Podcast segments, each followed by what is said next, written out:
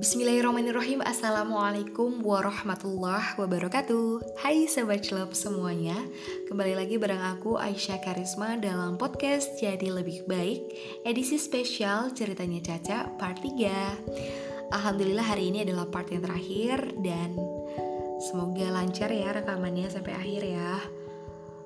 Dan kita langsung aja mulai. Yuk ke kesimpulannya buat teman-teman, buat sobat celup semua yang sudah dengar part 1 dan part 2-nya, uh, kalau dengar part 3 mungkin jadi nggak kagok dan berasa nyambung gitu. Tapi kalau yang nggak sempat dengar part 1 dan part 2, tiba-tiba ngedengerin part 3 juga nggak masalah sih sebenarnya. Tetap ada poin pentingnya tuh di sini. Oke okay guys, jadi sesuai dengan cerita aku kemarin, bahwa aku pernah ngalamin yang namanya pacaran, pernah tenggelam, pernah nggak tahu dan pernah uh, lalai. Maka sekarang aku, insya Allah aku sudah menemukan bahwa titik terang bahwa itu tuh sebenarnya eh, nggak uh, baik buat diterusin. Sampai akhirnya hari ini alhamdulillah aku berada pada posisi yang melihat uh, kegiatan yang namanya pacaran itu sia-sia dan ya semoga selamanya aku akan berpikir seperti itu. Sampai nantinya aku dipertemukan dengan jodoh aku entah jodoh aku kematian atau jodoh aku adalah uh, ikhwan yang sudah Allah siapkan. Wallahu a'lam. Oke. Okay.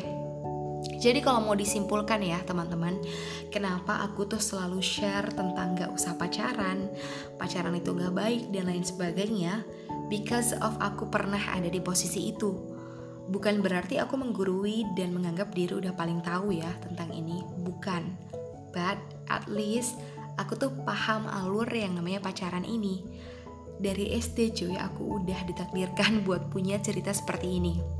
Sampai akhirnya Allah mantapkan hati aku, semoga sampai aku meninggal nanti amin, bahwa itu semua ternyata gak ada manfaatnya sama sekali. Oke, okay, let's say pacaran itu saling support. So, how about your friends around you? Yang selalu ada di sekitar kamu dan ngedukung kamu, apakah mereka nggak cukup buat jadi support system? Or how about our parents yang dari kita belum lahir, kita udah didoakan yang baik-baik, didukung dan disemangati sampai akhirnya kita tumbuh besar dan mengerti banyak hal. Apakah kita meragukan dukungan dari orang tua kita selama ini? Atau ada yang bilang pacaran itu ya biar saling mengenal. Hey, dude, dalam Islam ada namanya ta'aruf. Menurut yang aku baca, nanti linknya aku share. Secara bahasa, ta'aruf itu bisa bermakna berkenalan atau saling mengenal. Dan itu asal katanya berasal dari akar kata ta'arofa dan ini sudah ada di dalam Al-Quran.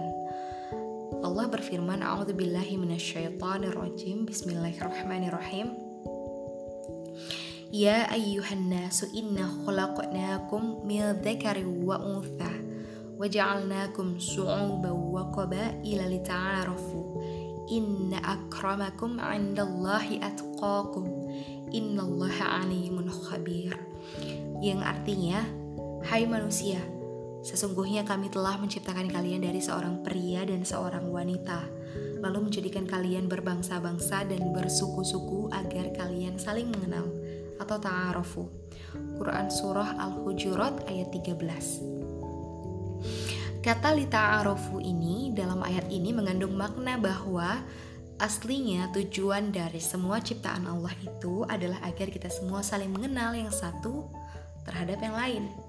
Tapi tentu dengan batasan yang sudah diatur. Bagaimana proses ta'aruf dengan sesama muslim, bagaimana kalau dengan lawan jenis, dan lain sebagainya itu semua sudah diatur. Islam sudah menyediakan itu dengan sangat logis dan sederhana untuk kita pahami. Lalu, tiba-tiba ada manusia yang menciptakan istilah lain untuk saling mengenal, yaitu dengan pacaran. Ini kan jadi gak sejalan dengan apa yang Allah perintahkan buat kita. Kenapa, Cak? Lagian kan aku pacarannya syari kok. Aku gak pernah ngapa-ngapain juga. Aku tuh pacaran tahu batasan, Cak. Iya, oke. Okay. Iya. Dulu aku juga ngomongnya begitu kok untuk cari pembenaran. Padahal ternyata setelah aku pikirkan dan renungkan itu dengan seksama, aku menemukan titik yang akhirnya buat aku sadar bahwa wah bener nih apa yang Allah bilang. Kita tuh dilarang mendekati perbuatan zina. Allah bilang mendekati loh ya. Artinya selain zina itu berarti ada kegiatan lain yang membuat kita bisa lebih dekat dengan zina itu atau bahkan berakhir pada zina. Nauzubillah. Dan para ulama itu sepakat bahwa pacaran salah satunya. Sehingga itu jelas menjadi haram hukumnya. Islam itu mengajak kita untuk melakukan tindakan preventif sebelum nantinya akhirnya kita menyesal. Dan BTW di luar tiba-tiba hujan Allahumma swaiban nafi'an amin. Dan selain karena pacaran itu adalah gerbangnya zina, dia juga menjadi sia-sia. Karena di dalam yang namanya pacaran, mana ada sih yang gak chattingan sampai larut malam, teleponan, video callan, bertukar gambar, atau kata anak-anak zaman sekarang, pap dong, ya kan? Bahkan naudzubillah sekarang udah nggak aneh lagi di kalangan remaja kalau yang perempuannya itu mengirim foto dia tanpa busana dan dia kirim ke pacarnya. Ini emang gak bisa digeneralisir. Artinya emang gak semua yang pacaran itu sampai separah ini. Cuma kita harus tetap ingat, sejago-jagonya kita menahan nafsu kita, syaitan itu lebih jago ngatur strategi buat bikin kita gelap mata dan hilaf. Artinya, gak ada jaminan sama sekali bahwa dalam hubungan yang namanya pacaran itu kita akan selalu aman, terutama yang perempuan. Karena kita tuh barang pecah belah, guys. Hampir di semua kecelakaan hubungan yang namanya pacaran yang jelas terlihat menjadi korban ya perempuan. Karena covernya rusak, dalamnya pun ikut rusak. Tapi sebelum terlalu jauh kita bahas sampai ke sana, yang kecil-kecil dulu aja deh. Misalnya nih ya kayak dulu. Aku tuh buang-buang waktu sampai tengah malam. Eh subuhnya kelewatan.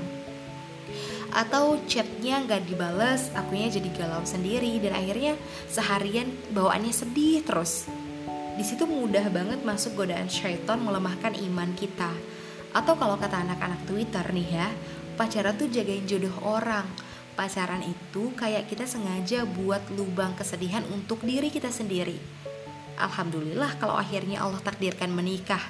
Kalau enggak, itu pun kalau menikah, keberkahannya akan tidak seberkah mereka yang menikah dengan lewat proses mengenal sesuai syariat Islam. Karena Allah maha adil loh ya. Allah gak mungkin menyamaratakan nilai keberkahan orang yang menjaga diri dengan baik dan menahan keinginannya karena Allah dengan mereka yang semrawut dan ikuti nafsunya. Dan coba pikirin deh itu tuh masuk akal. Berapa banyak sih yang kita lihat so sweet banget? Eh taunya gagal. Taunya dikhianati. Taunya ditinggal gitu aja. Pas lagi sayang-sayang ya karena dalam hubungan pacaran itu gak ada jaminan, gak ada ikatan yang halal. Itu cuma permainan syaitan membutakan kita agar kita tuh melihat keburukan seolah nampak baik dan biasa aja.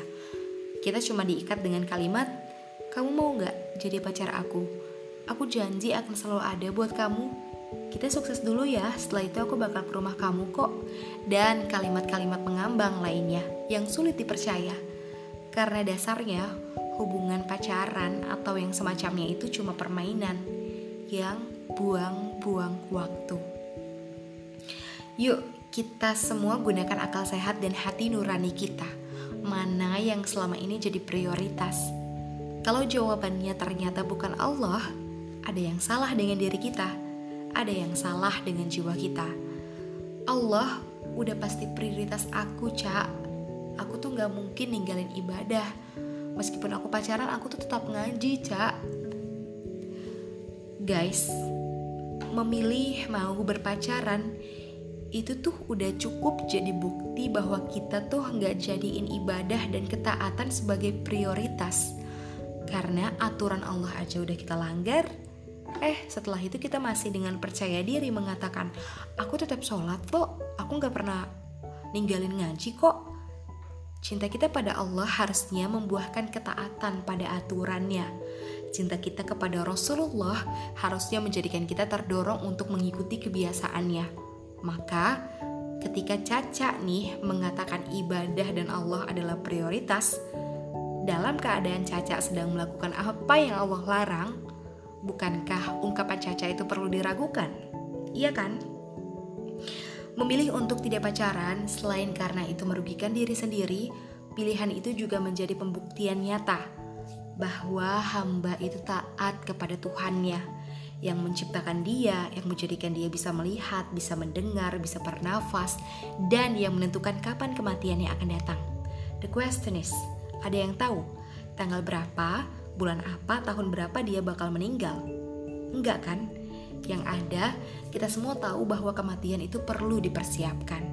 Pertanyaan selanjutnya, apakah dengan pacaran kita jadi fokus mempersiapkan kematian kita?